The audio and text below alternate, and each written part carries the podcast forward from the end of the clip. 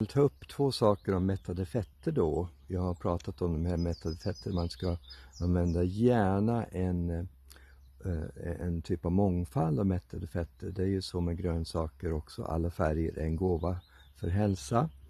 Eh, äta mycket växter och frukt och grönsaker och bär. Och samma med mättade fetter, att eh, det är bättre att inte vara ensidig.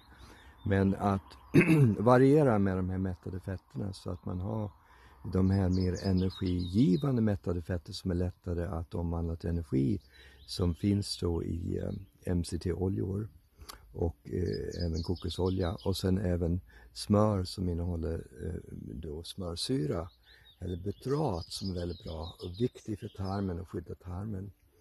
Eh, så att variera mättade fetterna är en viktig princip och så kan man mäta för honom är mättad fetter och omega-3 fetter.